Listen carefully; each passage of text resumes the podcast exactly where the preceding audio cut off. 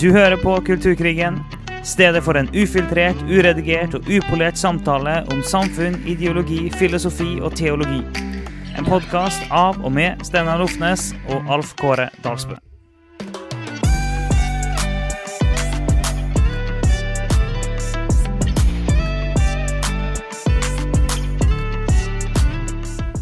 Det er ikke så mye annet å gjøre enn å hoppe i det. Det er Jeg er faktisk litt usikker på hvordan stemmen min er nå. Jeg er, litt tett i nesa, i alle fall. Så jeg vet ikke om hvordan det påvirker stemmen i opptaket. Så det blir jo interessant. Ja, men sånn er det jo når man hører på podkast, så hører man jo jevnlig på sine favorittpodkaster at noen ganger så er de litt forkjølet, de Ja. som Så det er jo en del av sjarmen med podkast, ikke det? Man blir på en måte mer kjent med stemmen til folk enn liksom eh, noe annet. Ja, ja, ja. Og um, så her er en podkast hvor jeg ikke kan le, for hver gang jeg ler, så begynner jeg bare å hoste masse. Så uh, det er meg. Så vi, det, vi skal forsøke å ha en podkast hvor vi ikke ler, uh, hvor vi uh, snakker rolig hele tida. Så får vi se om vi klarer det. Ja, men eh, dette er jo eh, Altså, kulturkrigen raser videre, så her er det finnes Det er ikke mulighet til å desertere, altså. Her er det, her er det opp eh, ned i skyttergraven eh, hver eneste Nei, vi, vi skal ha en episode hver uke, uansett. Ja, men du, i dag så skal vi jo snakke om noe spennende. For vi har, eh, vi har eh, fokusert på marxisme, nymarxisme, postmodernisme, den kulturelle revolusjonen vi er i, det som begynte på slutten av 60-tallet, den seksuelle revolusjonen. Og alt dette her er jo bevegelser fra primært venstresiden, eller må si det, det er fra venstresiden Mm. eh, i politikken. Og, eh, og vi mener jo det, og jeg prøvde å si det, jeg har angret til den dag på den utrolig klumsete måten jeg sa det på i den første episoden, så nå skal jeg prøve å si det mye bedre. At eh, jeg påstår, vi påstår, at denne kulturkrigen ble startet av venstresiden. Den ble startet gjennom den kulturelle revolusjonen på slutten av 60-tallet. Og enten man mener at det er positivt eller negativt med den seksuelle revolusjonen og disse forskjellige ideologiske strømningene som kom, så er det veldig underlig at, eh, at man ikke vil innrømme at dette ble satt i gang fra den siden. Mm. Eh, for dette var jo en revolusjon, det var jo et opprør mot det bestående, det er sånn som det var. Eh, og, og, så det, det kom fra venstresiden. Så sånn er det bare. Eh, så det, grunnen til at dette er noe, et poeng å understreke, er det at det er veldig mye retorikk i dag som sier at hele dette kulturkriggreiene ble nemlig startet på ytre høyre. Altså at det var en sånn ytre høyre-ting. Um, og det syns vi er utrolig eh, underlig. Men vi skal snakke om ytre høyre i dag. For det, at det Nei, er klart nei, vi, at eh, nei, ja ja, det, det, Ytre høyre er jo et ord som er eh, vi, vi, skal, vi var egentlig enige om at vi ikke skulle bruke begrepet ytre høyre. Ja, det er sant. Vi skal ikke snakke om ytre høyre. Eh, vi, vi, skal, jo, vi skal snakke om, eh, om, om strømninger fra høyresiden av politikken som òg påvirker kulturkrigen. Ja, For men det blir ofte sagt Ja, det er en krasj. Og det blir ofte sagt sånn at eh, kulturkrig, ytre høyre blir ofte slått sammen. Eh, nå, nå har vi, det her er en uredigert podkast, nå har vi sagt eh, det begrepet, så eh, vi får leve med det. Men, eh, og det er som du sier, det blir ofte påstått at kulturkrigen blir drevet fra eh, ytre høyre.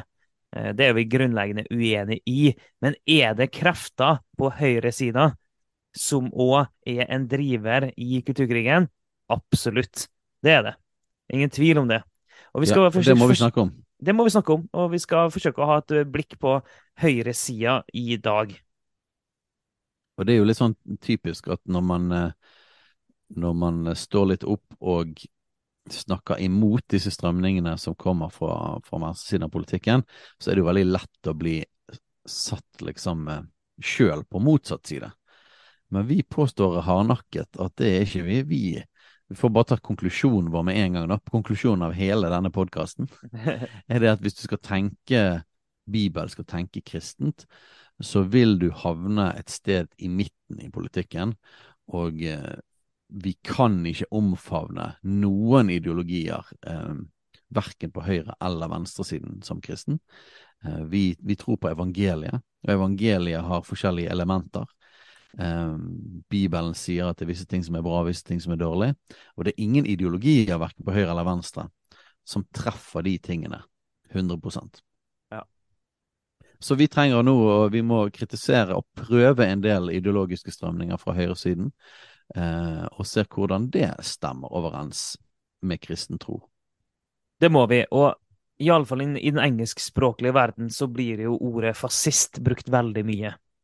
Eh, når en skal eh, kategorisere noen som er, står i kulturkrigen på høyresida, så blir ofte det ordet slengt ut. Fascist.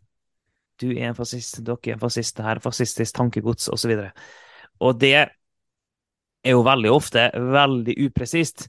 Men skal likevel eh, ta for oss litt det med fascisme.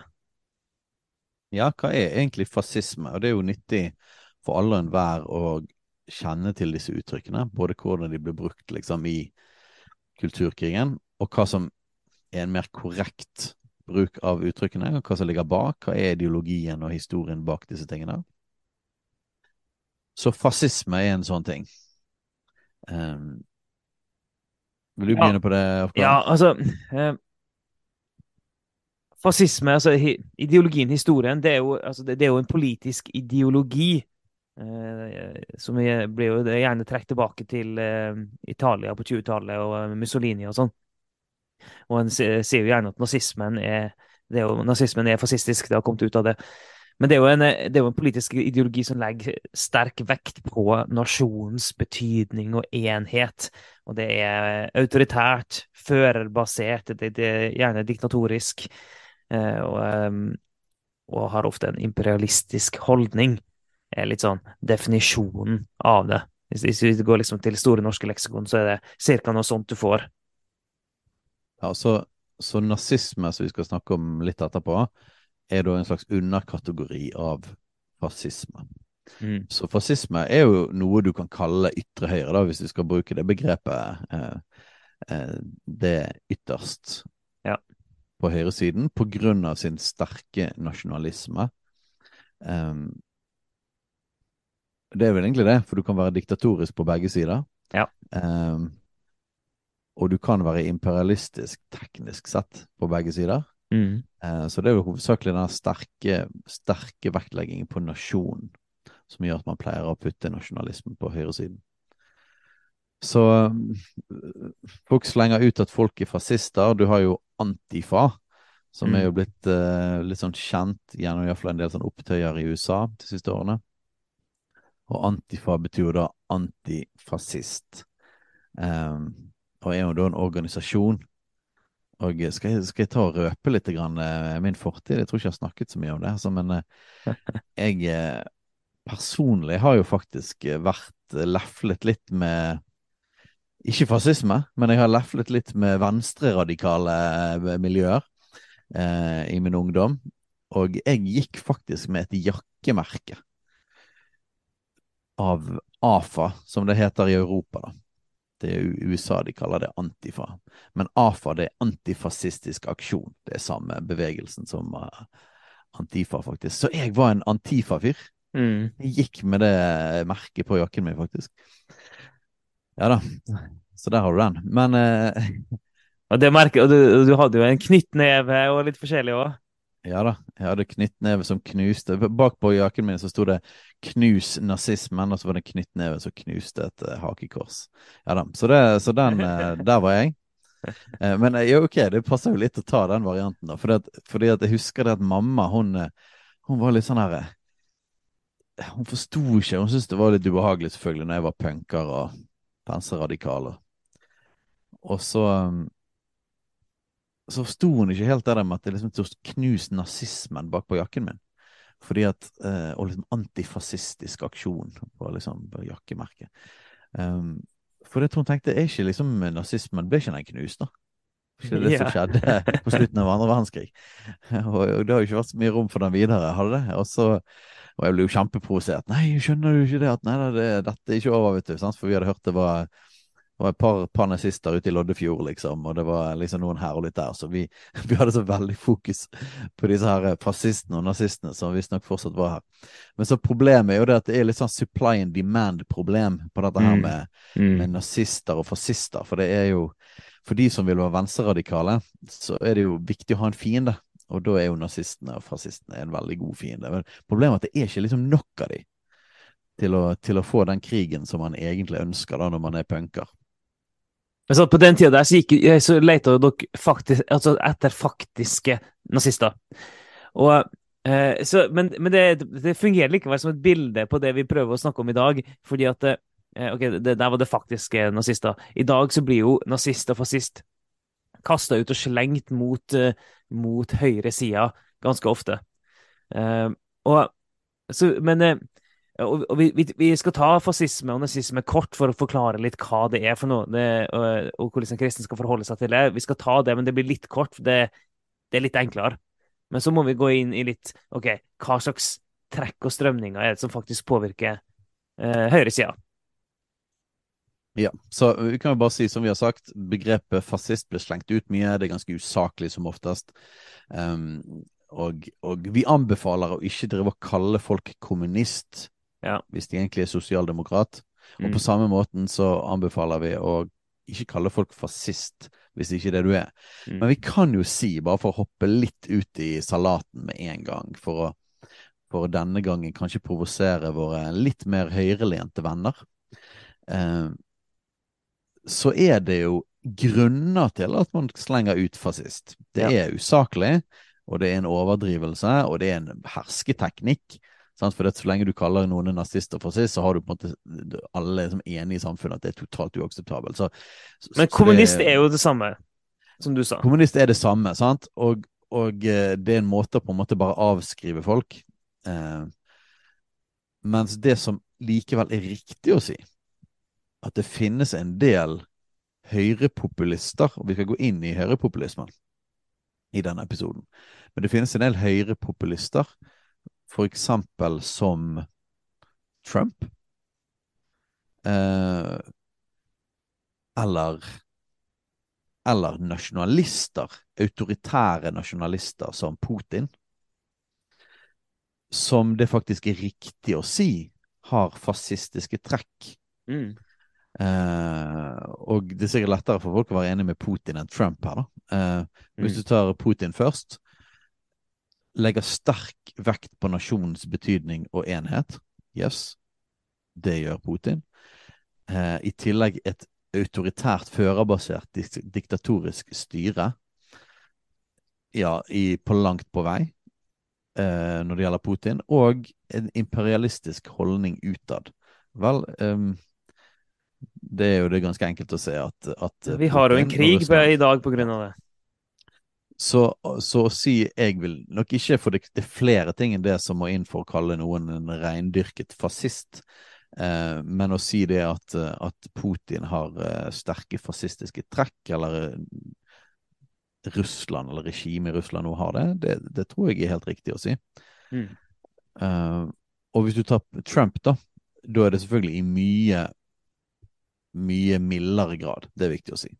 Eh, det er ikke på nivå som Putin i det hele tatt. Men det er klart det at, at eh, i retorikken til Trump så er det sterk vekt på nasjonen. Mm. Eh, America first, make America great again. Mm. Og nok en gang, ikke noe galt i seg sjøl, og vi skal snakke om liksom, disse gradene av disse tingene. Men du kan si det at hvis fascisme handler om sterk vekt på nasjonens enhet og, og betydning, så er, så er høyrepopulismen og Trump spiller på de samme strengene.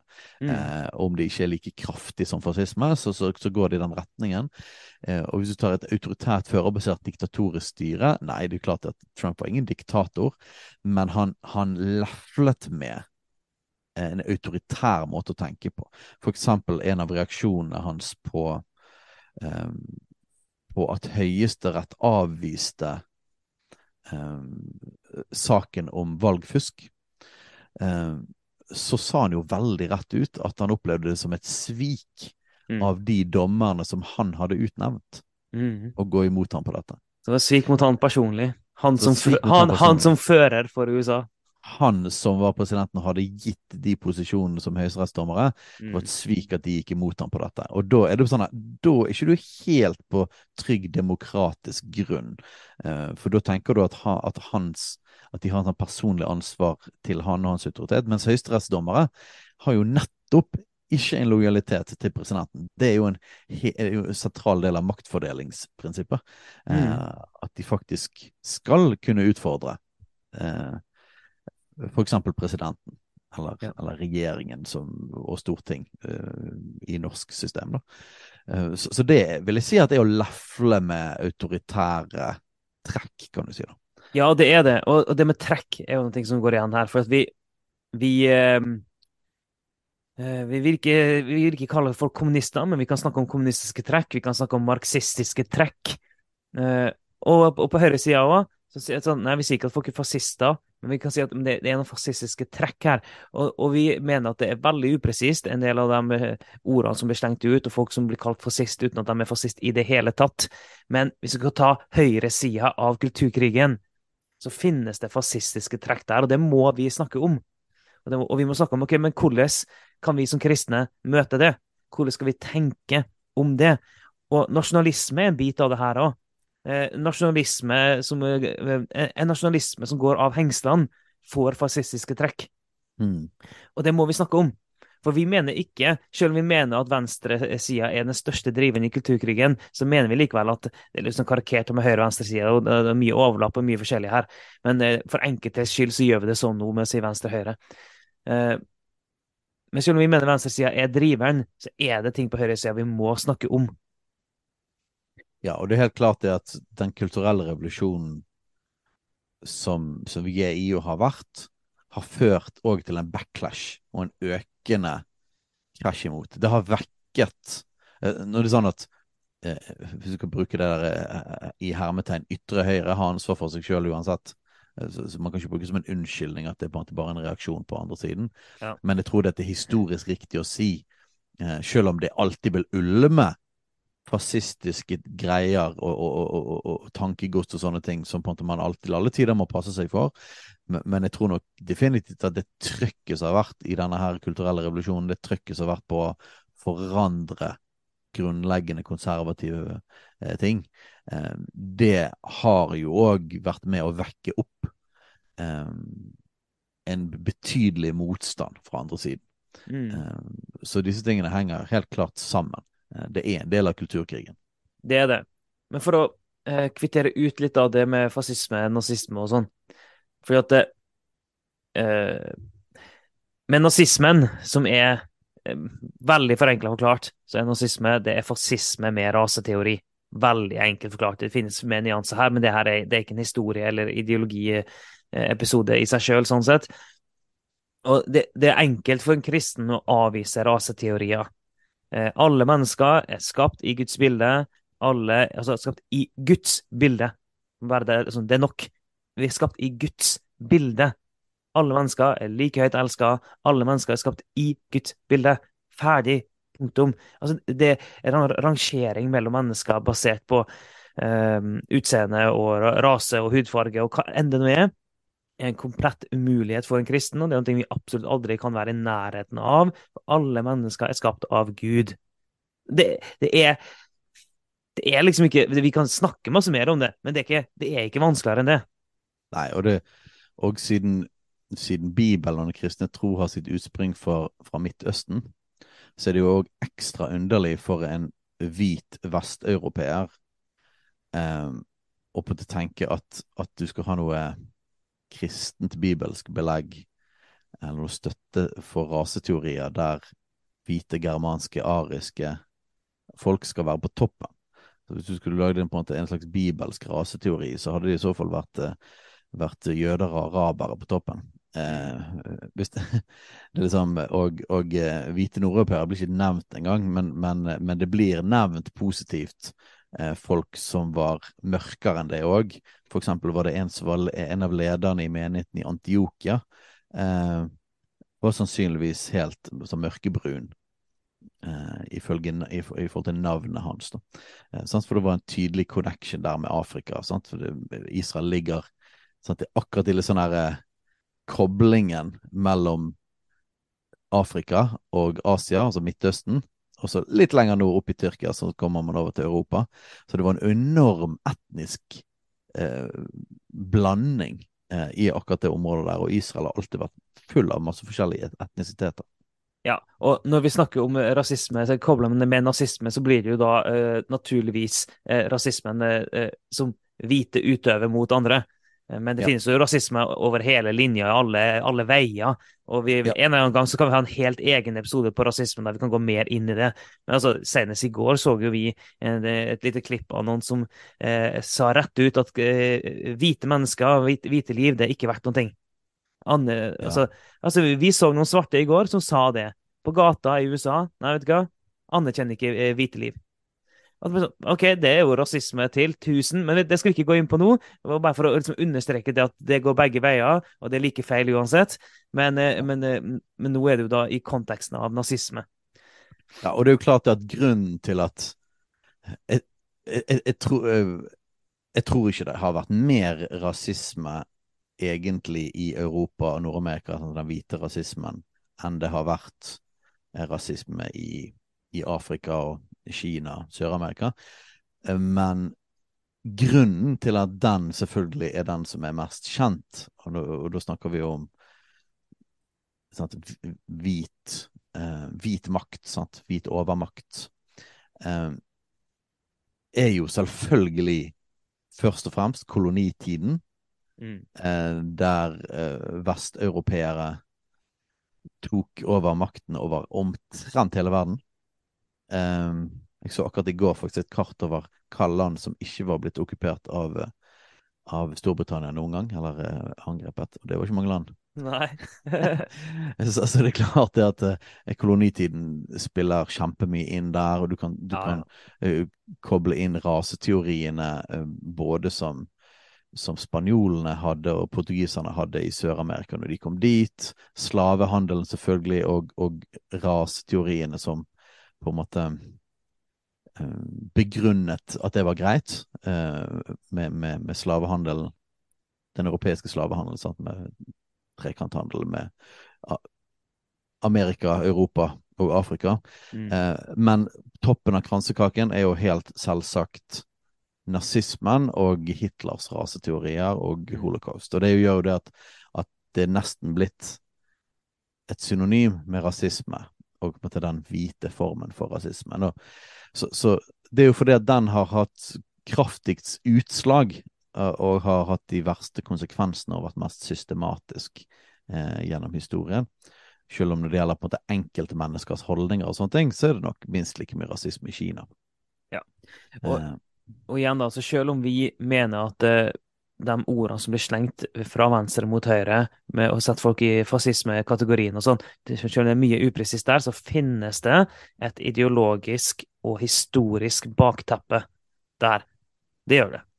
Ja, eh, og, og det gjør det såpass det er jo kanskje derfor, det er jo egentlig hele den greien som gjør at man kan bruke nazist og fascist som et skjellsord, mm. er jo den forferdelige historien eh, fra andre verdenskrig eh, Tyskland og Italia. Så fascismen kom fram altså i Italia gjennom Benito Mussolini, eh, og Hitler var veldig inspirert av han. Eh, så nazistpartiet, eller det nasjonalsosialistiske partiet eh, i Tyskland, var et fascistisk parti. Men det gikk mye, mye lenger på raseteorier. Mm. Eh, Mussolini og de var nok rasister, på en måte, men det var mer sånn moderat. Så gikk nazistene i Tyskland ekstremt langt, lang, lenger enn noen har gått eh, sannsynligvis i hele historien, på å kategorisere verdien på forskjellige raser. Ja, i, og i systematikken og sånn, så er det, så det er nok ingen som har gått så langt. Det, det er andre som har drept flere mennesker. Det, det har vært eh, verre etnisk rensing i ren Eller eh, det har vært verre folkemord i, i antall. Men uh, systematikken er jo helt ekstrem. Du kan si det sånn at hvis du tar uh, kommunistene og deres folkemord i forhold til nazistene, så, så, drepte kommunistene flere folk, men det var på en måte ved en annen begrunnelse. Mm. Sånn kommunistene tenkte jo på en måte hele dette som vi har vært inne i så mange ganger, undertrykt, undertrykk. Altså, så lenge du kunne definere noen som på en måte en undertrykkende klasse, Mm. da kunne du ta livet av de, da. Og problemet i de kommunistiske landene var det at den, den eh, definisjonen av det, den eh, bare økte og økte og økte. Ja, ja. Så det ble fryktelig mange etter hvert som, som du kunne drepe, og det var, ditt eg, det var dine egne folk Mm. du drepte. Så etnisitet hadde ikke noe å si, Nei. men det som hadde noe å si, var helt andre greier. Så de, kom Ja. de, de, de klarte å drepe flere folk, mens, mens de tyske nazistene, de lagde jo det systemet som vi alle kjenner så godt, der de, der de plukket rett og slett ut forskjellige etnisiteter, og selvfølgelig aller mest kjent jødene, Mm. som for de var den, den, den, liksom den aller verste den nederste undermennesket. Eh, og de faktisk planla å utrydde alle jødene eh, i Europa. Og de klarte å drepe seks millioner av dem. Og vi var jo faktisk i eh, Auschwitz. Det Mm. var en utrolig sterk opplevelse. Eh, vi var rystet i lang tid etterpå, og eh, det, det er ikke vanskelig egentlig å bringe fram igjen de minnene hvis man på en måte går inn i det. Men det å stå ved siden av, altså du står på akkurat det stedet der de sendte inn altså tog etter tog etter tog. Mm. De sa det at, de sa at mennene de tok de gjerne inn i arbeidsleirer, for de kunne de få til å arbeide noen uker eller måneder og få noe liksom ut av dem. Mm. Mens kvinner og barn var ikke verdt det, de fleste av dem. Så de Mm. ble bare sendt rett fra toget, rett bort i de to industrielle drapsmaskinene. Mm. Og vi så den ene av dem, det andre var fjernet helt. Men det var bare eh, Hvor mye var det? Var det 200 meter eller noe sånt som det? Fra der de gikk av toget, rett inn, Rett i, inn i gasskammer. rett inn i gasskammer. Mm. Og vi så bilder sant, av barn sant, som går der og Ja, ja. holder hendene med sine søsken. Og, altså, Ja, det er- det er så helt- sykt. Det er helt Eh, sinnssykt å være i Auschwitz. Og det er sånn, eh, jeg håper å si jeg anbefaler alle å være der. Det høres litt sånn rart ut, eh, at, Ja. men det er, det er helt ekstremt å være der og se, og se den ondskapen. Eh, Men jeg, jeg mener faktisk at folk trenger å ha vært der og ha sett det. Eh, Det, det er helt vanvittig. en million mennesker slaktet de altså i På akkurat det stedet der vi sto. En Mm. million mennesker ble systematisk drept. Drept og brent. Så, sånn, så Ja. det er helt sykt. Og derfor er, ligger det så Altså, dette er grunnen til at det med nazisme er blitt symbolet på det mest grusomme og det verste som menneskeheten har funnet på. Med rette.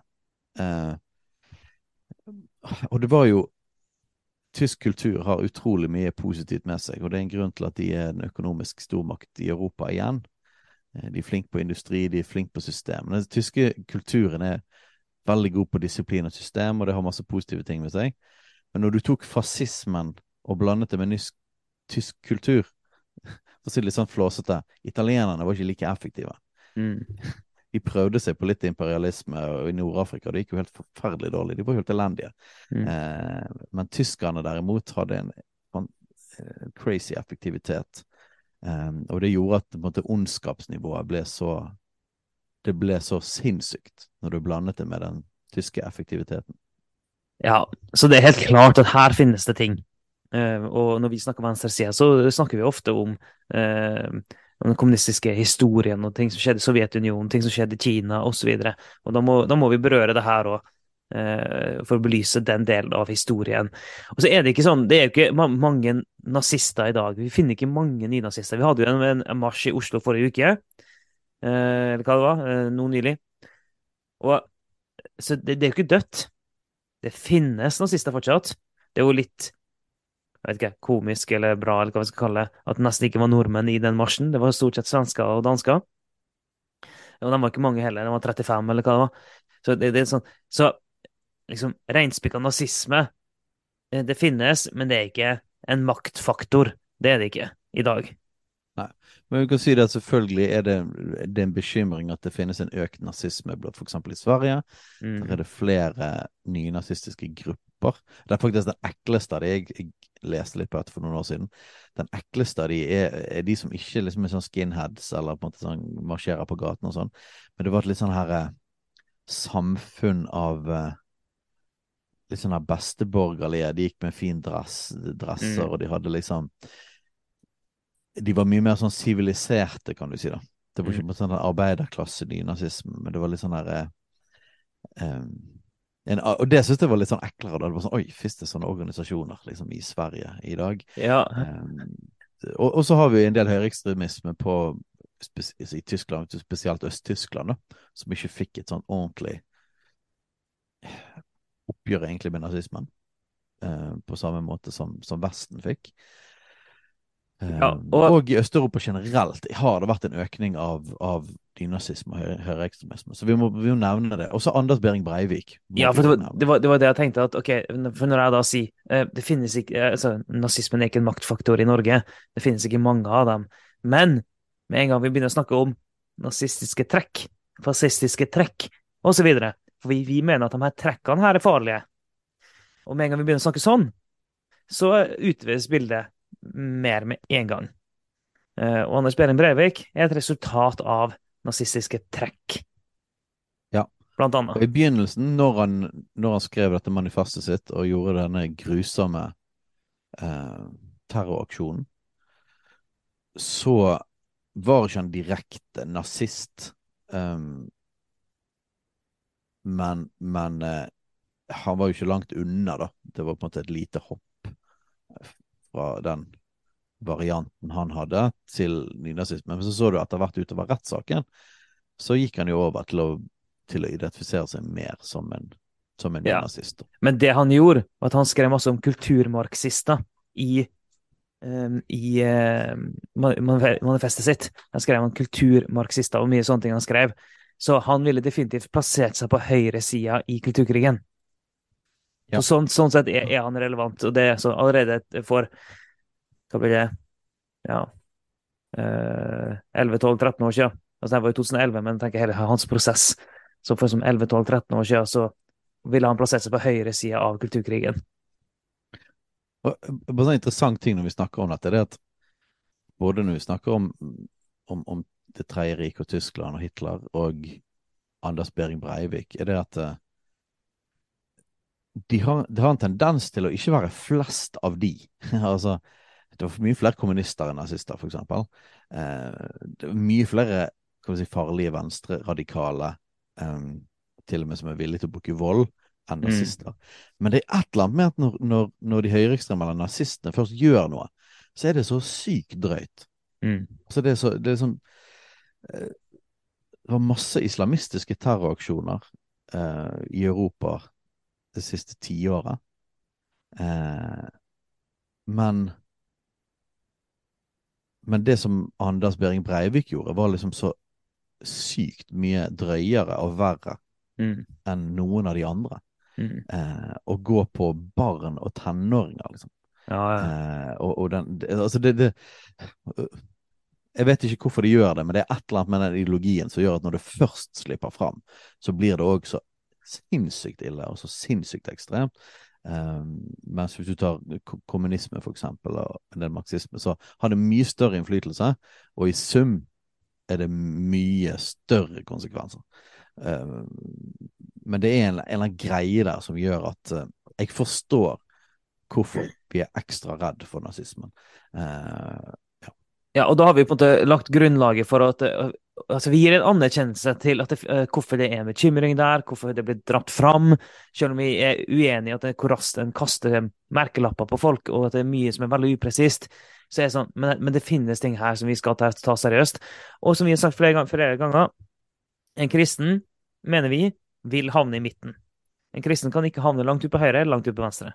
Derfor, derfor, må vi snakke om begge deler. Og, ja. Eh, men en ting da som, For å, å dra det her litt, litt nærmere um, oss. For En ting er å snakke om nazisme og fascisme og hvit overmakt og rasisme og sånn. Altså Alle som hører på det her, eh, og alle våre venner som er mer på den, som er kristne og er mer på høyresida, eh, når vi snakker om det, så vil ikke det treffe dem. Det vil det ikke. Men hvis vi beveger oss mer inn på nasjonalisme, så kan det være at vi treffer noen flere strenger. Mm. Så det må vi snakke om. Nasjonalisme, patriotisme. Ja, og, og, eh, da er vi mer inne i sånne ting som har sånne blandingselementer i seg. At det finnes positive ting, og så finnes det negative ting. Det er ikke mye positive, kan, ting du kan trekke fram fra nazismen. Eh, men nasjonalisme i seg sjøl, hvordan skal vi forholde oss til det? Og det er klart at jo lengre ut på høyresiden du kommer, jo mer nasjonalisme eh, finner man. Um, Jeg har jo faktisk vært ute et par ganger på Facebook uh, og poket litt i denne der. Uh, og nesten med vilje, bare litt sånn her Siden vårt hovedangrep er på, på måte, ideologier for venstresiden, og det er de som har totalt mest dominans i samfunnet og innflytelse i samfunnet, inn i ut, utdanningsinstitusjoner og lærebøkene til barna våre og filmene vi ser på, og liksom hele pakken. Um, så reagerer jeg òg på at kristne på en måte på grunn av det kanskje er for lite ideologisk bevisst når det kommer til høyresiden. Ja. Eh, og nesten på en måte kan nest, Jeg opplever det i alle fall som at nesten kan bruke det ille på andre siden som en slags unnskyldning for å gå for langt på andre siden. Men vi som kristne, vi er forpliktet til å følge Jesus eh, Mm. og, og Guds ord. Og det betyr at vi må prøve ideologiene på alle sider alle varianter, og prøve de på Guds ord. Um, vi kan ikke på en måte bare omfavne noe på den motsatte siden, bare fordi de andre gjør noe fælt. Um, og så jeg har vært litt ute på i forhold til partiet De kristne og Putin uh, og nasjonalisme generelt. Uh, og nå sier ikke jeg direkte, og, og det mener ikke jeg heller, jeg bare poker litt i den greien, at jeg har vært litt sånn urolig for en for kraftig nasjonalisme eh, blant en del kristne. Um, og at vi må, vi må passe oss på det, og vi må se på den ideologien og se at den er ikke umiddelbart sånn at, at, at du kan koble den godt med kristendom. Um, så dette skal vi gå litt inn i og snakke om. Ja, og, og da kan vi først si kort okay, hva, hva, hva mener vi med ordene? Og vi har hatt egen episode om eh, ord som våpen i kulturkrigen, så må vi i hvert fall passe på at vi forklarer hva vi mener med ordene vi bruker. Det er viktig. Og eh, når vi snakker om nasjonalisme eh, og patriotisme, så er det det, det er ikke det samme. Det er, det er noen ulikheter der, men de henger såpass i hop at vi slenger dem sammen her. Eh, mulig vi skal si noe om, om forskjellen på dem, men det handler jo likevel om en, en kjærlighet til landet sitt. Eh, et ønske om å Eller det er en framheving av landet sitt. Eh, et ønske om at det skal gå vel og bra. Eh, og det kan være kulturelt og etnisk og politisk betinga. Og i seg sjøl ønsket om at Ta Norge, da. Et ønske om at Norge skal være et best mulig land, at Norge skal være et best mulig sted å bo, er selvfølgelig veldig bra. Det er bra. Ja. Men hvis vi begynner å løfte opp Norge som noe annet, eller noe bedre, eller noe som er mer verdt enn andre land, bare fordi vi er nordmenn, så begynner vi å lefle med ting som vi som kristne ikke bør lefle med. Mm. Så hvor går grensen her? Og det er jo det som er så Ja. spennende å snakke seg litt inn i. Kjærlighet til sitt eget land. Det er ikke bare greit, jeg vil si at det er positivt. Det er Altså, vi, skal, vi skal jo be for lederne våre, for eksempel. Ja. Så kjærlighet til sitt eget land, være glad i landet sitt, være glad i naturen i landet man har, språket, mattradisjonen, en Ja, del ja. kulturelle trekk. Være glad i det. Ja, absolutt positivt. Men det er det er heller ikke feil å føle tilhørighet til en kulturell gruppe eller en etnisk gruppe. Sånn. Det er ikke noe feil i å føle en tilhørighet til det. Det, Mm. det, det er helt fint, det. Ja, og det kan være positivt. Og her ser jeg jo at òg Jeg i min personlighet nok er ganske lite nasjonalromantisk nasjonalistisk. Jeg er nok det mer enn Altså, Man merker det mer når man er i utlandet og sånne ting. det kan være flere grunner til det. Men eh, jeg er jo utrolig For eksempel forleden dag så var Vi skulle lage mat på en ekteskapsviken, og så skulle vi inn i det, det som kalles en internasjonal butikk, eller en Vi kaller det kanskje innvandrerbutikk. Og så går vi inn i den butikken med Katrine skal handle. Og jeg bare, med en gang jeg går inn der, så bare får jeg et stort smil. Jeg bare elsker å være der inne. Det er bare Alt er forskjellig, alt er nytt, det er så mye gøy. Jeg kunne vært der timevis. Jeg kunne fikk lyst til å bare kjøpe og spise meg gjennom alle tingene inne, inne i den butikken. Alle de forskjellige sausene og grønns... Altså, jeg ble så glad av det. det og, og, det er ikke en ideologisk ting. Det er ikke basert på Bibelen, ikke på Bibelen. Eller, det er noen personlighetsting. At, at, at jeg liker variasjonen, eller det som på en måte bryter det konforme eller grensen. Ja, og sant? der er jo jeg og du på hver vår side av skalaen, sant? Ja. Eh, skal, skal, vi, skal vi karikere oss sjøl? Så havner du mer der, og jeg havner på andre sida. Ja, og, og, da er vi innenfor noe som på en måte, Det er helt greit. Mm. Her er vi bare forskjellige. Det er liksom ikke noe galt eller rett med det, men vi har på en måte forskjellig slags naturlig drivkraft. Og jeg tenker at det jeg må passe meg for, da, det er det som blir så grensesprengende at ikke det er stemmer overens med Guds ord. sånn, at, sånn at jeg har måttet lære meg konservative verdier. og si at, at de, Mye av det vi snakker om i denne podkasten, at det som handler om Guds rammer, skaperordningen, alle disse tingene her, det er viktig, det er positivt. At ikke det bare er kreativ, fri utfoldelse og grensesprengende greier som er positivt. Men i min personlighet så er det på en måte den veien jeg dras. Eh, ja. Noe som gjør at jeg ble venstreradikal, mest sannsynlig. og, og, og, det er sånn, så igjen da skal vi bare bruke Det er trygt å bruke oss sjøl som eksempler du ble venstreradikal i, i din ungdom. Hvis jeg skulle ha falt, falt ut i et eller annet, så hadde jeg blitt høyreradikal i min ungdom. Eh, helt sikkert. Um, ja. og, og, og, vi skal berøre innvandring. Sant? Uh, det, der du sikkert ville ha slått tidligere ville ha slått et slag for å, liksom, fri innvandring. Uh, ja, jeg gjorde jo det. Jeg, jeg, jeg ja, sto for det. Mm. Ja, ja, ja. Så kunne jeg fort ha vært den typen som uh, slo i slag for null innvandring.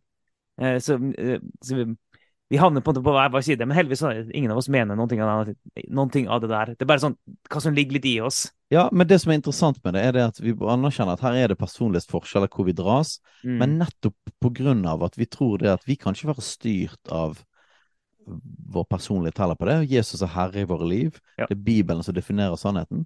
Så har min etterfølgelse av Jesus dratt meg vekk ifra Marx og, og, og hele den venstreradikale greien og inn mot sentrum av politikken.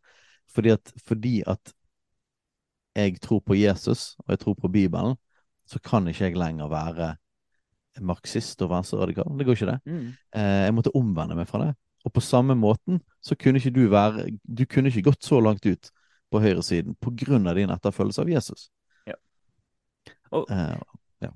Vi, vi, er ikke nordmenn, først og fremst. Det er vi ikke. Eh, det, men det betyr ikke at vi ikke er nordmenn. Og et, et vers som, som, de som er Hva skal si Litt nasjonalistiske eller nasjonalromantiske, hvis vi skal bruke et mer sånn positivt begrep, eller patriotiske. Eh, et, et, et, vers som de ofte siterer, det er fra Paulus sin tale på Areopagos i Aten. Eh, I Apostelens gjerninger 1726. Jeg kan jo sitere det. Da sier Paulus han lot alle folkeslag av ett blod bo over hele jorderiket, og han satte faste tider for dem og, og bestemte grensene mellom deres bosteder. Eh, så det blir brukt som et litt sånn nasjonalistisk argument da, for at det er på en måte Gud har satt inn eh, nasjonene, og han har laget de strukturene, eh, og laget grensene, og at folkeslag rundt omkring skulle ha grenser mellom seg. Mm. Eh, klart, Verset her er jo antirasistisk på den måten at han lot alle folkeslag av ett blod. Det betyr at det er en anerkjennelse av at det er bare én menneskehet. Eh, men skillebiten er da at, at, Gud satte tider og grenser mellom deres bosteder. altså Det vil si at de forskjellige folkeslag hadde forskjellige grenser mellom seg. Og du kan bruke det som et argument for å ikke blande folkeslag for mye. Eh, eller å, ja, og da ha, ha ganske stramme grenser. Um. Ja, og, og, um, men det verste kan, sånn, det kan brukes på ulike måter. og Det, og det står om at eh, Gud satte grenser for folk, og noen trekker jo den at ja, ok, men det er da, ok, da har vi nasjonalstatene. På grunn av det, Gud har innsatt grenser av nasjonalstater. Og så blir jo det en, en veldig vanskelig ting å forholde seg til. for at Ok, Er det da nasjonalstatene som For det første så hadde vi ikke nasjonalstat egentlig på den tida der, det var en egen greie. Men la oss bare si det på den måten, da.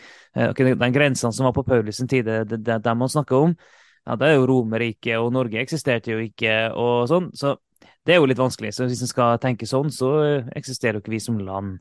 Eh, så hva skal en tenke om, det? Så det i seg selv er ikke et argument for grensene vi har i dag. Så det, det, funker veldig dårlig å bruke det som et argument for eh, stat, nasjonalisme, sånn sett. Men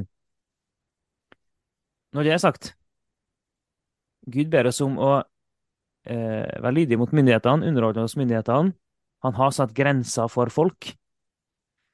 Så Bibelen går mer i retning av at det finnes grupperinger, grenser, folk, land, stater nasjoner går mer i retning av det enn at alt er bare helt fritt og åpent. Ja, og uh, hvis antiglobalister, da, uh, eller de som er Eller for eksempel marxister. Altså, Marx var jo mot landegrenser. Uh, og ville, som sto for internasjonal kommunisme, da, at hele verden ble på en måte et klasseløst felles samfunn uten grenser. Um, så hvis du går helt ut på den siden her, så er, måte, er de imot grenser. Du vil rive ned absolutt alt av nasjonsgrenser. Og så går du helt på andre siden eh, igjen, da, så er det ekstremt stramme grenser. Um, og det skal være ingen blanding av etnisiteter, og du har raseteorier. Og må det sies det at jeg tror ikke engang altså Biologisk sett er rase et ekstremt dårlig begrep. Um, etnisiteter og forskjellige varianter av hudfarger og, og mennesker jo mer riktig, da. Eh, men, men innimellom der et eller annet sted eh, er det jo da Bibelen lander. At, ja. at det er en anerkjennelse av at rammer og grenser og folkegrupper er en del av skaperverket og en positiv ting. Og myndigheter, som du var inne på. Så, så stat er en positiv ting. Gud har innsatt myndighetene. Eh, og det er klart, da må du ha en, en viss statsstruktur eh, over et visst område. Um, så jeg tror at det verset der er en, en anerkjennelse og bekreftelse av at det er en del av Guds ordninger, at det fins varianter av land med en myndighet. Um, men at det sier veldig lite om nøyaktig hvordan det skal se ut, eller hvor stort eller lite det skal være. Når dette ble skrevet eller talt av Paulus, så var jo det mest vanlige var imperier, mm. eh, ikke nasjonalstater. Så det var jo lenge før nasjonalismen ble oppfunnet som ideologi. Mm. Um, og det ville i så fall bety at at Romerrikets grenser skulle fortsatt være i dag. Og det betyr jo inkludere og da fortsatt okkupasjon av Israel. Eh, men vi tror heller det at det er snakk om at, at grenser og nasjoner i seg sjøl er et guddommelig prinsipp, eh, men at det sier lite om nøyaktig hvor harde de grensene skal være, da, og nøyaktig hvordan de landene skal se ut. Ja, og det er jo prinsippet som, eh, som vi tror er, er ting, ikke nøyaktig grensene i seg sjøl og sånn. Og, og igjen, okay, det, det, er greit å være glad i landet sitt, fint, men hvis en begynner å heve landet sitt over andre, da, kan, da, da åpner en døra for eh, noen rasistiske trekk, da, for å si det på den måten med en gang en hever landet sitt over andre. Og det er helt umulig å snakke om nasjonalisme uten å da snakke om innvandring òg. Det er helt umulig. Eh, for hever du, eh, hever du Norge så høyt, Norge for nordmenn, hever du det så høyt, da har du ikke plass til andre. Og det krasjer med en bibelsk eh, måte å tenke om andre mennesker på. Hvis, men, hvis mennesker har eh, behov, mennesker trenger hjelp, mennesker er i nød, så, så, tenker en kristen ut fra Bibelen at den skal vi hjelpe. Vi skal hjelpe mennesker i nød. Vi skal hjelpe dem fremmede. Vi skal nå ut til dem. Vi skal ta folk inn. Vi tar folk inn i huset vårt. Alt sånt gjør vi. Og Bibelen går nok mer i retning av Altså, Bibelen går ikke i retning av fri innvandring. Det er ikke det, er ikke det jeg sier, men den går mer i retning av og, mye innvandring enn lite. Men igjen, som med alle ting i, i Veldig mange ting i Bibelen, så sånn at Bibelen gir oss ikke et krystallklart svar på hva vi skal mene rent politisk akkurat i denne eh, konkrete saken. Men den setter opp noen rammer, noen parametere for oss som vi skal holde oss innafor. Så Bibelen forteller oss ikke eh, at en kristen må mene akkurat det eller det om innvandring. Det forteller ikke Bibelen oss. Her finnes det muligheter til å være uenig. Og det er helt fair, helt greit. Og en vektlegger ulike ting uten at det gjør en bedre eller dårligere. Men ut fra en bibelsk forståelse av mennesket og strukturer Gud har innsatt, så mener vi likevel at eh, vi ikke kan bare ha fullt frislipp. Vi kan heller ikke ha full eh, stenging. Ja, det blir altså prinsippet om at grenser er guddommelig innsatt. Eh, myndigheter og en viss statsstruktur er fra Gud. Eh, og, og, det at det fører til en stabilitet, som betyr at hvis du river det for langt ned, så går du ut av Guds ordninger. Men på andre siden, hvis du er for streng på det, så er det barmhjertigheten og det som blant annet Moseloven snakker om i forhold til å ta vare på de fremmede. Mm. Eh, og, og, til og med ble henvist til at husk at dere var fremmede i Egypt. Dette ble blir snakket til israelsfolket. Eh, så behandl de fremmede i landet godt. Og Jesus var flyktning til Egypt. Yes, det var han. Eh, og så er vi veldig glad da, for at ikke Egypt hadde for stramme innvandringslover. For da hadde ikke Jesus fått uh, kunnet rømme fra Herodes. Og han mm. levde jo der i noen år. Det står ikke nøyaktig hvor mange, men i flere år så levde Jesus som innvandrer i Egypt. Ja. Eh, så, så, å være ekstremt streng på innvandring og være så nasjonalistisk at at det begynner å Du begynner å kraftig mislike andre kulturer og andre land, og løfte på en måte det norske flagget for høyt. Sant? Nøyaktig og høyt, vanskelig å si. Men mm. går du for langt den retningen, så går du imot eh, en kristen tankegang. Og det er i tvil om at evangeliet er jo internasjonalt. Mm. Evangeliet er jo eh, For det første er det ikke norsk. Eh, det, altså det kommer fra, fra, fra Israel, det kommer fra Midtøsten. Um, det tok lang tid før det kom til Kalle Nord. Ca. 1000 år tok det. Mm. Um, og, og, så det er ikke noe nordeuropeisk og nordisk, og det er litt skummelt når du blander, for nasjonalisme og fascisme drar litt inn sånn her eh, kristne symboler og blander det med nasjonalister. Ja, de gjør, de gjør, det. Og det er derfor det er litt viktig å være klar over det, at, eh, sånn at de drar det der inn og er klar over trekkene. Uh, og og være klar over at eh, når en, en del slenger da, de her merkelappene, så er det pga. sånne her trekk. Og hvis, uh, hvis folk på høyresida bare avviser det, så kommer vi ingen vei. Uh, det finnes noen trekk her som vi faktisk må være obs på. Så vi kan ikke være for nasjonalistisk, og vi kan ikke være for streng på grensene. Nei, vi kan, vi men vi kan heller ikke være for globalistisk. Nei, vi kan ikke være for globalistisk, vi kan ikke være for å rive ned alle grenser. Så det, er så, det eh. kjedelige svaret hver gang vi snakker om politikk, er liksom sentrum. Og så kan det være ulike, uh, ulike definisjoner om hva sentrum faktisk er, da. Men uh, det vi mener med sentrum, er det at uh, vi mener at en kristen kan ikke gå, gå til noen av ytterkantene. Det er det vi mener. Ja, og, og, hvis det er sånn at du kjenner en, en, sterk uvilje mot folk av en annen hudfarge, om du opplever på en måte en kraftig sånn her min kultur er overlegen andre kulturer. Um, om du på en måte tenker at ingen burde komme inn, eller nesten ingen innvandrere burde komme inn i landet, så tror jeg jeg ville si det at da trenger du å vende om. Mm. Og da trenger du å få, få en større åpenbaring av omfanget av Guds barmhjertighet og kjærlighet. Eh, og la Gud hjelpe deg å bli mer eh, internasjonal. La meg komme med et godt eksempel på dette, som liksom, det er bra å bruke seg sjøl.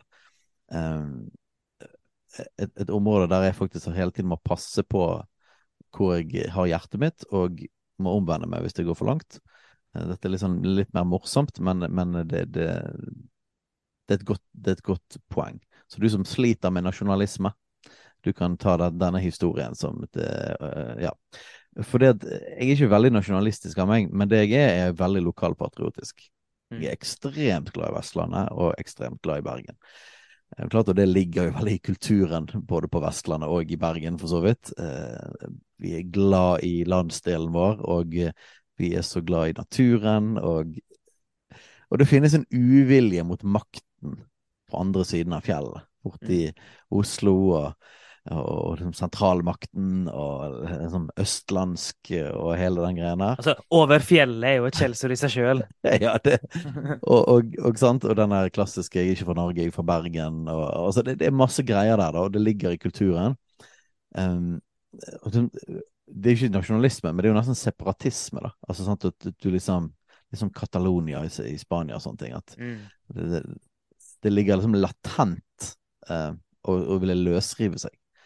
Um, og det kan faktisk føre til en, en direkte uvilje og, og, negative følelser for folk fra andre landsdeler. Og jeg jeg har masse folk, Jeg må bare si det for alle øst, øst, øst, østlendinger som hører på dette. her jeg, jeg er veldig jeg Nå begynner du å ro! Jeg har, jeg har vendt meg om Jeg har vendt meg om for dette, bare vit det!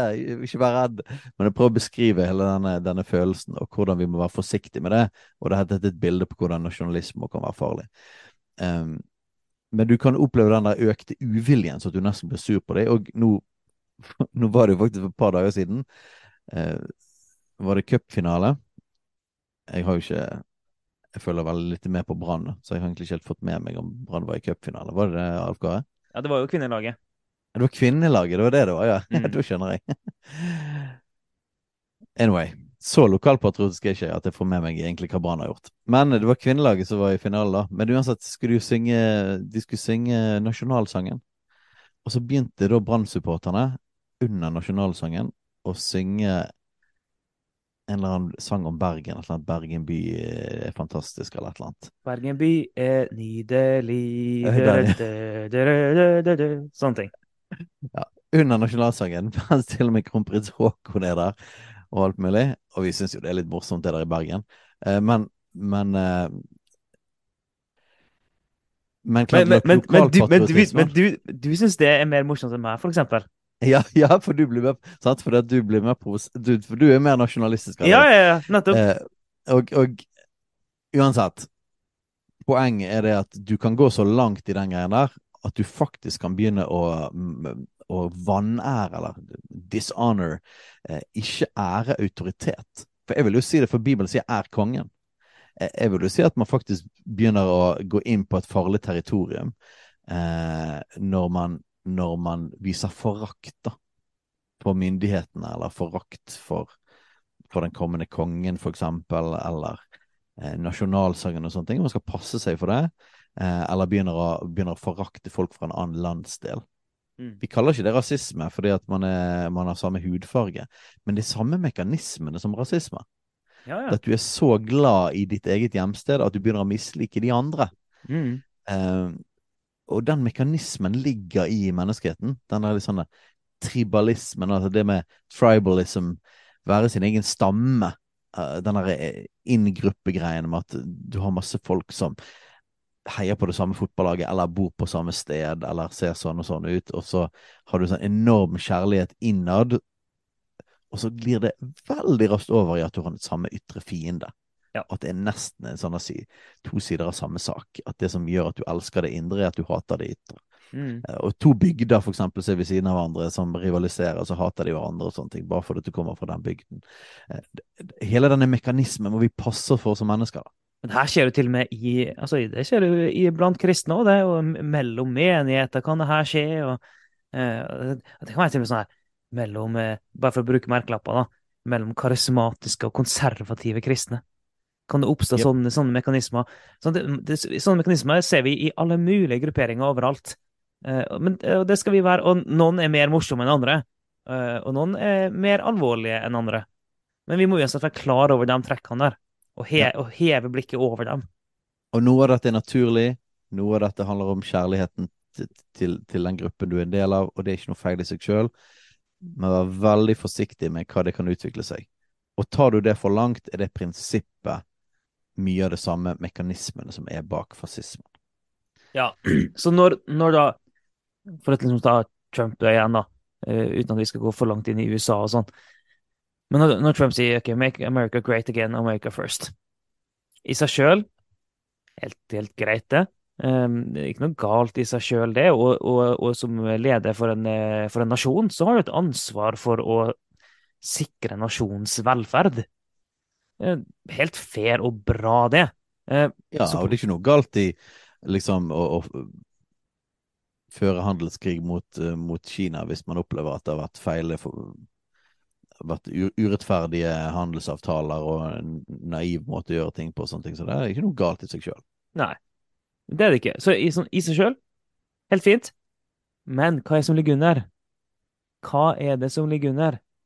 Ligger det under noe om at USA er Guds, eh, er Guds eh, utvalgte nasjon på jorda som skal utbre hans rike, og at Guds rike følger nærmest USAs innflytelse i verden?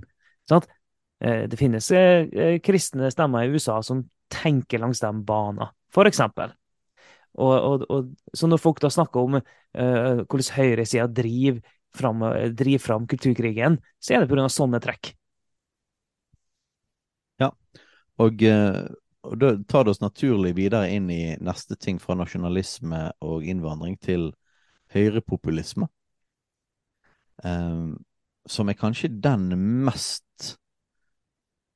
Ja, den mest gjeldende bevegelsen eller strømningen fra høyresiden i kulturkrigen.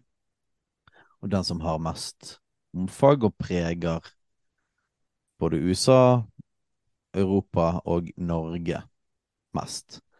Um, så den må vi snakke litt om.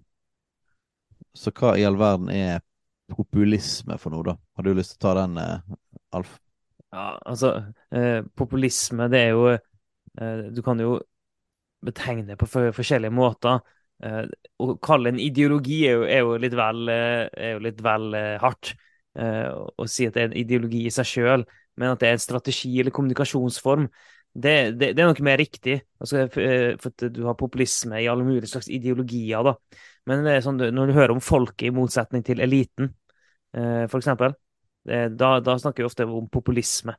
Eh, og Folk det- flest? Folk flest, ja. Ja da. Og det er knytta til både venstreorienterte og høy- høy- høyreorienterte pa- partier. Men alle kan bruke populisme. Det er det som er greia, at alle kan bruke populisme. Og det er kraftig retorikk, og det kan, det kan gjerne være karismatiske ledere. Men det, er, det handler om å se politikken som en grunnleggende konflikt mellom folket og eliten. Og, og det er jo gjerne sånn eh, uttrykket med at en eh, vender kappen etter vinden. Eh, At en, en går for det som en opplever at folket liker. Og en vil mobilisere folkemengdene, mobilisere massene, mobilisere folket. For folket er jo alltid flertall. Folk er alltid, det er alltid flere som er en del av folket enn det er en del av eliten. Så vi må mobilisere folket mot eliten. Og det er litt morsomt da når det havner på høyresida, for da er du plutselig inne i, i, undertrykker, undertrykt mekanisme nå. At den får sitt utspill der i tillegg. Ja, og det er jo Så på en måte kan man si at det er Det er ikke en ideologi, det, er det, kan, være en tynn ideologi eh, de som kalles populister står for. De er mer opptatt av på en måte det folk flest står for. Mm. Eh, litt sånn folkebevegelse. Men det er litt, det- litt postmodernistisk i den forstand at, eh, sånn at eh, hvis alt er maktkamp, så handler det om å bare bruke verktøy for å vinne maktkampen. Og da bruker du de ordene som er nødvendige, og du vrir på de ordene som er nødvendige for å få fram ditt budskap, for å vinne din kamp. Og det, så Populisme og postmodernisme er, er mye av det samme, sånn sett. Ja, og, og eh, så postmodernisme som ideologi kommer jo som sagt fra, fra franske filosofer, det kom fra venstresiden, og det er sånn det er blitt brukt mest i kulturkrigen. Men eh, høyrepopulismen er jo ganske postmoderne. Eh, et, et, ofte en eh, har en Hva skal vi si ikke så nøye, ikke så nøye forhold til sannheten. Eh, det er på en måte nesten viktigere å si ting som skaper noe, eller får et resultat, enn om det du faktisk sier er sant. Men det er jo viktigere å få makt, da. Ja, det er viktigere å få makt. Man bruker retorikk for Mm. å få støtte og få makt, som er egentlig en, eh, altså en postmoderne strategi, bare fra andre siden. Mm. Eh, Så dette med, med, med Det er lite, gjerne lite dype sannheter, men det er litt sånn litt brød og sirkus. Litt sånn hva, hva folk vil ha. Og, Altså, og eh, Men alle valgløfter, ikke alle da, men valgløfter er jo, er jo en sånn ting. Hvor mange er som stoler på valgløfter egentlig? Du, du, vi har lært oss å gjenkjenne at, eh, at det er ikke sant, det som blir sagt. Ja, og populisme er jo på en måte litt sånn revolusjonær i sin natur, egentlig. Eh, det er sånn massemobilisering av folket mot en elite. Mm. eh, Og rive ned en elite. Og når det blir når det blir en høyrevarianten, høyrepopulisme, så er det jo ofte en sånn politikerforakt. Og en forakt mot det etablerte og de som styrer. Og man sier at man på en måte representerer folket, da. Og sunn fornuft. Og eh, går som et dramatisk til angrep, eh, retorisk, på liksom makteliten. Ja, og en, for lyttere som har hørt de andre episodene våre, så vil dere kjenne igjen det her med at det er sånn undertrykt undertrykkermekanismen, og, og det er en kamp mot autoriteten, og, um, og, og det er et ønske om å rive ned systemet, gjerne. Altså, vi- du skal mobilisere massene. Sånn, ah, liksom folk imot eliten, ting er urettferdig, vi vil ha rettferdighet, og vi skal gjøre det og det og det. Eh, Vi skal rive ned det, det, det systemet som tjener eliten, så, så- sånn at vi istedenfor kan få et system som tjener folket. Det skal vi ha. Og den retorikken finner du på begge sider. Det gjør du. Ja, det, og det er interessant, fordi at uh, den eneste forskjellen sånn sett på høyrepopulisme, og òg de trekkene som var inne i både fascismen og nazismen um, Det eneste som skiller det fra da marxismen og den venstresidevarianten av dette, er at man definerer undertrykkeren som noe Altså, man, man er ikke enig om hvem som er undertrykkeren. Ja. Og man er ikke enig om hvem som er undertrykt. Men Mm. man er enig i hele systemet av at det fins en, en, en slags elite som må rives ned og må kjempes mot. Eh, så det er revolusjonære bevegelser, men de ser verden forskjellig og definerer forskjellig hvem som faktisk er den storeste gulven. ulven.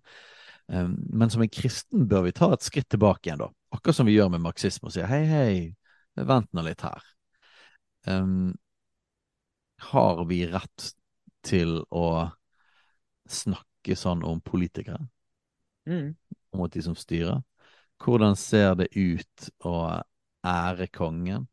Be for de som eh, er i høye stillinger og har, har makt og myndighet? Hvordan ser det ut å underordne seg myndighetene? Eh, en ting som vi helt definitivt kan si. Angrepet på Kongressen eh, 6. januar. I USA. Mm. eh, det er synd. Mm. Så alle kristne som tenker at det var greit fordi at kanskje det var valgfusk, eller det var sånn og sånn og sånn, da bruker du akkurat samme argumenter som en marxist ville brukt. Mm. Så, hvis, så hvis det er feil å være revolusjonær marxist, og det er det, ifølge Guds ord, så kan du heller ikke gå til angrep på statlige institusjoner på den måten og stå imot loven. Uansett hva de gjør. Husk her, Jesus manet ikke til å styrte romerne eller å styrte regimet. Fantes det valgfusk i Israel? Ja, eh, hvis det var valg i det hele tatt, da. Sant? Eh, eh, fantes det korrupte ledere, fantes det sånne ting? Ja, helt, helt sikkert. Helt definitivt. Men Jesus manet aldri til kamp mot det. Så når vi, når vi sier det til, i forhold til marxismen, så gjelder det samme på andre siden. Ja. Du kan ikke eh, Nå mener ikke jeg personlig at det var valgfusk. Det, fant, det, det, det var ikke tilfredsstillende beviser på det. Eh, at det var i så stor grad at det faktisk var et stil. Stop the stil. Mm. Um, det tror ikke jeg det var. Men det kan være du er uenig. Kanskje jeg tar feil i det. Kanskje det er ting som vi ikke vet om, jeg ikke vet om. Um, I forhold til dette, når du skal prøve dette på Guds ord, så er det egentlig litt irrelevant. Fordi at det gir oss ikke rett til å styrte systemet. Det ja, gir oss ikke rett. Nei, for til og med da, om det var valgfusk, så kan ikke en kristen storme Kongressen. Kan ikke det. Vi har ingen rett til å gjøre det som kristne. Skal vi velge å handle ut fra Guds ord, så kan vi ikke storme Kongressen selv om det er valgfusk. Og eh, Guds ord åpner egentlig bare opp for eh, et ganske smalt segment av sivil ulydighet. Eh, Og det er jo det at eh, hvis myndighetene sier at du får ikke lov til å forkynne evangeliet, og du får ikke lov til å helbrede syke, eh, ja, da kan du være sivil ulydig. Da kan du gå imot det myndighetene sier. Men valgfusk er ikke det samme som å si du kan ikke forkynne evangeliet. Så det, det, finnes, det finnes ikke noe rom for en kristen til å drive på på den måten. Så selv om det er urettferdighet, og, og om det så er juks og fanteri altså Kan en kristen gå imot det? Ja. Kan demonstrere mot det? Ja. Kan jobbe for, for et, deres system? Ja. Det kan gjøre. Men å gå til angrep på institusjoner, gjøre opprør, den type ting, det, det har vi ikke belegg for. Og å anklage myndighetene for ting skal vi være forsiktige med. Forakt for politikere og de som styrer. Jeg vil si at en forakt er regelrett synd. Altså, frakt er jo alltid det. Ja. Altså, det, det, det, frakt mot et annet menneske er det i seg sjøl, og frakt mot myndigheter er det. Og, og, og, dette kan jeg si med ganske tydelighet, for jeg måtte omvende meg for disse tingene som tidligere venstreradikal. Fordi at Jesus er min herre, måtte jeg bøye meg og omvende meg. Hvis du er, dras mer mot høyre, og du tenker at dette er greit på grunn av det de holder på med på venstresiden, så må du skjerpe deg. Eh, hvis Jesus er din herre, så må du vende deg om for det. Det finnes ingen unnskyldning at det de gjør på andre siden, de gir meg rett til å, til å gå i andre grøften. Det, det, det er de samme reglene. Marxisme ikke forenlig med Guds ord. Men en politikerforakt og sivil ulydighet fra høyresiden er akkurat det samme. Det er den samme ånd. Mm. Det er en ånd av opprør. Mm. Uh, og, og, jeg har hørt utrolig mye kristne, og til og med kristne som, som vi kjenner i USA, som har snakker om staten og politikerne på en måte som ikke er forenlig med Guds ord. Mm. Um, så når man Klassisk konservatisme Vi skal snakke senere, ikke denne episoden. Vi skal snakke om konservatisme, liberalisme, sosialdemokrati. Med de moderat, mer moderate ideologiene. Vi skal snakke om de senere en gang. Nå vi, har vi snakket om ytterkantene. Eh, mens konservatisme handler jo om å bevare strukturene, samfunnsstrukturene, og bevare ordningene. Eh, en respekt for statlige institusjoner. Så, så hele magerbevegelsen er jo ikke konservativ eh, i den forstand. Den er mer revolusjonær. Mm. Eh, og da begynner du å, å, bevege deg inn på et farlig territorium som en, som en kristen. Så, mm. så her, her, skal man være forsiktig. Eh, det kan være masse ting som man støtter Trump i, og mener han gjorde godt, og man kan til og med mene det at, uh, at uh, han var utvalgt av Gud til å gjøre noen ting. Det tenker jeg er innenfor som en kristen. Eh, men disse her litt sånn postmoderne maktstrategiene, sivil ulydighet, politikerforakt, eh, undertrykt undertrykker, alle den, hele den pakken av måte å tenke på, den retorikken, er ikke greit for en kristen. Nei, og, og, og som du sa da, ok, det, er mye av politikken til Trump som Bibelen ikke sier uh, på en måte, verken for eller, for eller imot, sånn sett. Det, der er det frihet for en kristen til å tenke.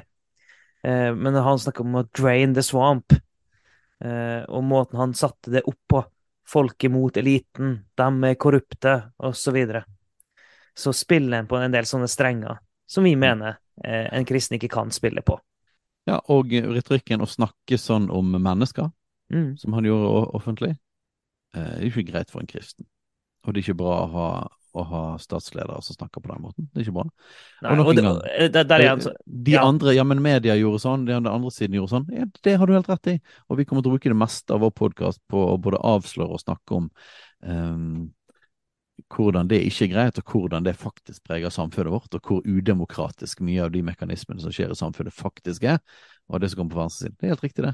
Men det gir oss ikke rett at noen andre synder gir ikke oss rett til å synde. Vi snakket om dette med marxisme. Du mm. bekjemper ikke synd med synd. Nei, og det funker like lite å bekjempe synd med synd fra høyresiden som fra venstresiden. Yep. Det gir ikke oss rett til det. Så her må vi passe oss, folkens, at vi ikke blir lurt fordi at vi reagerer på noe galt på den andre siden. Vi står til ansvar for å følge Jesus. Ja, og det gjelder på alle ting, og det, gjelder, det, er veldig viktig når vi snakker om ting i kulturkrigen. Og, og, og ikke bare Politikk er jo én ting, men vi har snakka mye om sånt, eh, kjønn og hele den problematikken og trans og sånne ting. Men der òg, uansett hva verktøy, virkemiddel, ulike bevegelser bruker, så rettferdiggjør det aldri at vi oppfører oss på en måte som er utafor rammene som Guds ord setter for oss. Yes, det gjelder på samme måte her som de andre tingene vi har snakket om fra andre siden, at eh, Jesus snakker om indre frihet. Mm. Eh, eh forandring på innsiden i enkeltindivider. som på sikt fører til samfunnsforvandling gjennom at mennesker blir forandret. Og vi kan selvfølgelig vi kan selvfølgelig jobbe for positive ting i samfunnet. Vi har trukket fram Martin Luther King og Nelson Mandela og sånne folk innenfor antivoldelige, demokratiske eh, si, med antivoldelige og demokratiske metoder, men òg med retorikken. For det, retorikken har noe å si her. For det er forskjell på en Trump-retorikk og en Martin Luther King-retorikk. Ja. Eh, det har med hjertet, det har med å det har med å på en måte kunne utfordre og snakke om urettferdighet rett fram. Ja, Men ikke, ikke, rive ned, snakke ned, eh, anklage. altså Revolusjonær språkbruk. altså det, det, det, er en forskjell der. Ja da, og retorikken til Trump var jo et større problem enn det politiske programmet. Ja. Det var det. Eh, så la oss være forsiktige med det. Og, og, det som er utfordrende for oss kristne, det er at i en, i en, kultur der nå vi har vært i en sånn revolusjon som vi har vært i, der man river ned samfunnsstrukturen, man river ned familien, man river ned rammene for seksualiteten, og, og det er utrolig ødeleggende. Såpass ødeleggende at vi lager en podkast på det. Mm. Så er det klart at vi blir sinte, vi blir frustrerte, vi føler det er urettferdig. det er og så er det lett at vi da går inn i den samme mekanismen av at vi føler oss undertrykt, og derfor skal vi kjempe tilbake. Vi skal, vi, skal, slå oppover, for nå er det vi som er den undertrykte minoriteten. Yes. Men vi kan ikke. Vi må eh, holde tøylene. Vi, vi, kan ikke kjempe på den måten. Og så er det selvfølgelig utrolig eh, fristende og forlokkende når når eksempel presidenten i Ungarn, mm. som vil påstå eh, en høyrepopulist. Eh, han er definitivt ja, han er nasjonalistisk. Han er eh, Men så er han verdikonservativ, da. Um, oh, vet du hva? Det, det, ok, vi, må berøre den her litt, da. Men vi, vi, har ikke tid til å gå langt inn i den her. Men det, akkurat det, verdikonservativ, og så kan vi diskutere egentlig om de er det når vi ser på retorikken og sånn. Men greit ja. nok, verdikonservativ i en del sånne saker som, er, som betyr mye for kristne. Ja. Og så Når han er verdikonservativ der, eller når Putin sier eh, eh, homofile ikke velkommen i Russland, eksempel. Eh, når, når, han sier sånne ting. Og så har du kristne som eh, tror helhjerta på at eh, Sånn som oss, som tror at ekteskapet er, for, er mann og kvinne. Og så er det plutselig en statsleder som sier ja, ekteskapet er mellom mann og kvinne. Og så sluker han det, på tross av alt det andre som har blitt sagt slukende, selv om det da blir en degradering av andre mennesker, for eksempel. Her blir kristne lurt igjen og igjen og igjen. Ja. Og jeg hørte et lite klipp av uh, uh, hun Meloni, Georgia Meloni. Statsminister uh, i Italia. Statsminister i Italia. Og, og det er klart at hun fyrte på, vet du. uredd i forhold til i forhold til mann og kvinne og seksualitet og familien. Og, kjernefamilie. Og... Kjernefamilien, og, og, kjempe på det. Og det er bare sånn åh, oh, yes, liksom. Noen som sier det tydelig, for dette er så viktige saker for oss, og det er akkurat disse sakene her som er blitt så nedrevet eh, i denne kulturkrigen. Um, og, og, nå vet jeg ikke jeg nok om hun. Jeg leste litt om det partiet, for hun ble, hun ble liksom De trykker jo på dette, det at hun blir kalt fascist. ja, hun blir kalt fascist, eller at i alle fall har en slags historie av fascisme, eller at hun sant, Når jeg satt på det, og det er liksom Ja, ja, det er liksom Det er det fjerde partiet i rekken med en viss rest av det. Det er rimelig utvannet. Det er ingen direkte linje da mellom Mussolini og Meloni. Det er det ikke. Mm. Eh, men det er litt sånne halvveis greier. Men de siste partiene er egentlig veldig moderate høyrepartier, egentlig. Eh, men så har det vært folk i partiet òg, og de har gjort litt utrenskninger. Og det samme gjelder jo Sverigedemokraterna på dette området her. Så hva gjør du når sånne folk som det? Jeg tror ikke eh, Meloni er noen eh, fascist. Det, det, det, det tror ikke jeg er riktig. Men det er utfordrende, vet du, når, de, når du spiller på alle de her så viktige sakene for kristne. Men så kan det være at det finnes noe annet grums der. Eh, og det kan være at det finnes en del andre typer saker som du òg tar med, som er da en nasjonalisme som går for langt, for eksempel. Mm. Um, uh, hvordan forholder de seg til forskjellige folkegrupper, etnisiteter, er, er, det, er det en for stor hardhet, bla, bla, bla, bla, som gjør at vi kan litt lettere ta imot de tingene. Og jeg måtte faktisk lese partiprogrammet til Nasjonal Samling, for jeg bare tenkte liksom det er litt interessant dette. At, at, at det aldri Partier flagger liksom aldri de mest kontroversielle tingene. De spiller alltid på det som de kan få folkestøtte, og der har du populismen. Men da, men da må vi si Nasjonal Samling, hvis de ikke vet hva det er. Eh, partiet til Vidkun Quisling på 30-tallet som eh, tok over styringa av Norge når nazistene kom. Så på, på, en måte det norske nazistpartiet. Ja. Og partiprogrammet deres er jo på en veldig sånn moderat. sånn, det var litt sånn her Jo, jo. Sterkere fokus på folket og Og, og forsvar. Og forsvar og, og helse og uh, det, det, det, var ikke så voldsomt, da. Mm. Og, og, og det er noe med det å Vidkun Quisling kunne helt sikkert i 2022 kunne hatt en kraftig tale om eh, familieverdier. Mm. Om mann og kvinne og de tingene der. Som vi ville vært enig i. Ja. Og så er det bare sånn ah, Men hva er ideologien under? Og Derfor vi sier ofte at okay, her blir kristne lurt. Det gjelder både høyre og venstre side. Og kristne kan bli lurt av venstresiden når vi snakker om, eh, om, rettferdighet og likhet, og vi må bekjempe ulikhet og sosial urettferdighet. Ta vare på de som, som, som har det vanskelig. De svakeste i samfunnet og, og sånne ting. Eh, som det, det, det, det finnes eh, Altså, ja, det skal en kristen gjøre. Og så har du eh, folk som bruker en retorikk på høyresida, som må bare gå rett hjem hos en del kristne. Og det er her vi må lære oss, som vi sier, tenke kristent, tenke bibelsk, ha bibelske briller på når vi ser på ting. Så når vi hører, når vi leser noe, når vi leser et partiprogram, la oss ha bibelske briller på. Når vi hører noen, noen snakke, la, la, oss filtrere det gjennom en kristen måte å tenke på.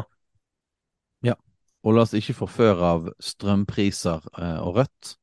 Mm. Og la oss ikke for lett, for, la oss for lett forføre av eh, familieretorikk og en del konservative verdier fra høyresiden. Mm. Fordi at det kan ligge strømninger og tankegods, ideologi, holdninger, som er problematisk. Og la oss være forsiktige med populismen, for det at populisme er å spille på hva du kan få folk med på, mm. uten å nødvendigvis si de tingene som du òg mener, som ikke er like populære. Så det er noe litt forførisk i hele populismen. Um, og populisme er på en måte det motsatte av hva eh, kristendom er, altså Bibelen. For der, der, begynner vi med fundamentet, vi begynner med sannheten. Alt annet kommer ut ifra det. Uavhengig av hva folk liker eller ikke liker, og det utfordrer mennesker. Mens eh, populisme det tar bare utgangspunkt i hvordan får du mobilisert folk. Uavhengig av hva, hva virkemiddel du bruker, men hvordan får du mobilisert folk for å oppnå en hensikt. Men, eh, men en kristen begynner ikke der. En kristen begynner med, begynner med eh, fundamentet og det som allerede er hensikten. Det Jesus allerede har gjort, og så tar vi det derfra. Ja, Det som er sant, og så får folk ta imot det eller ikke ta imot det. Og mm. om det betyr at vi blir forfulgt, så er det helt greit. Mm. For sannheten er viktigere for oss. Vi vil ja. ikke pynte på sannheten. Vi vil ikke lure folk.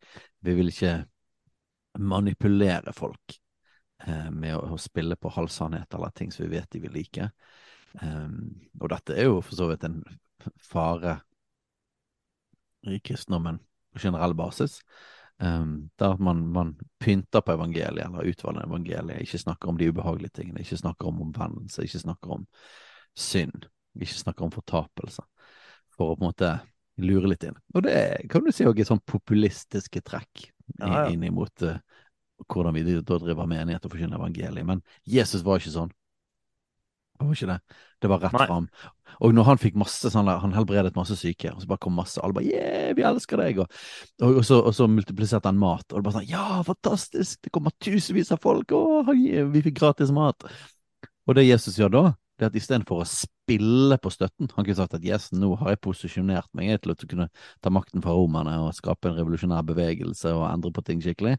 Hvis jeg bare holder meg litt i denne, denne lanen her, så, så, vil jeg ha stor støtte i befolkningen. Nei, mm. det han gjør i, i Johannes 6, rett etter å ha multiplisert mat, og alle elsker han, det er at han tar den mest kontroversielle talen han noen gang kunne gjort, og begynner å snakke om å ete mitt kjøtt og drikke mitt blod, og, eh, og som gjør det at eh, de fleste forlot han.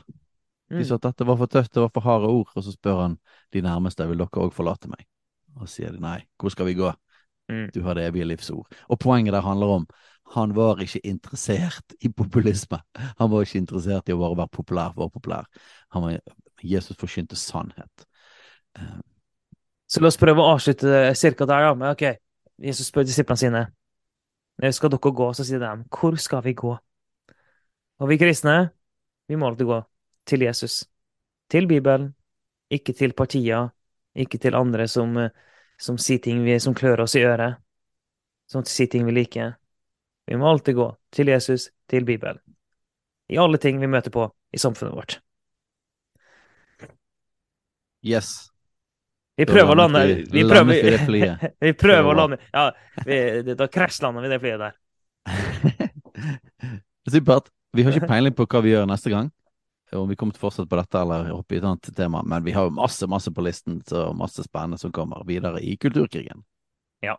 Vi lover ingenting utenom at det kommer en ny episode.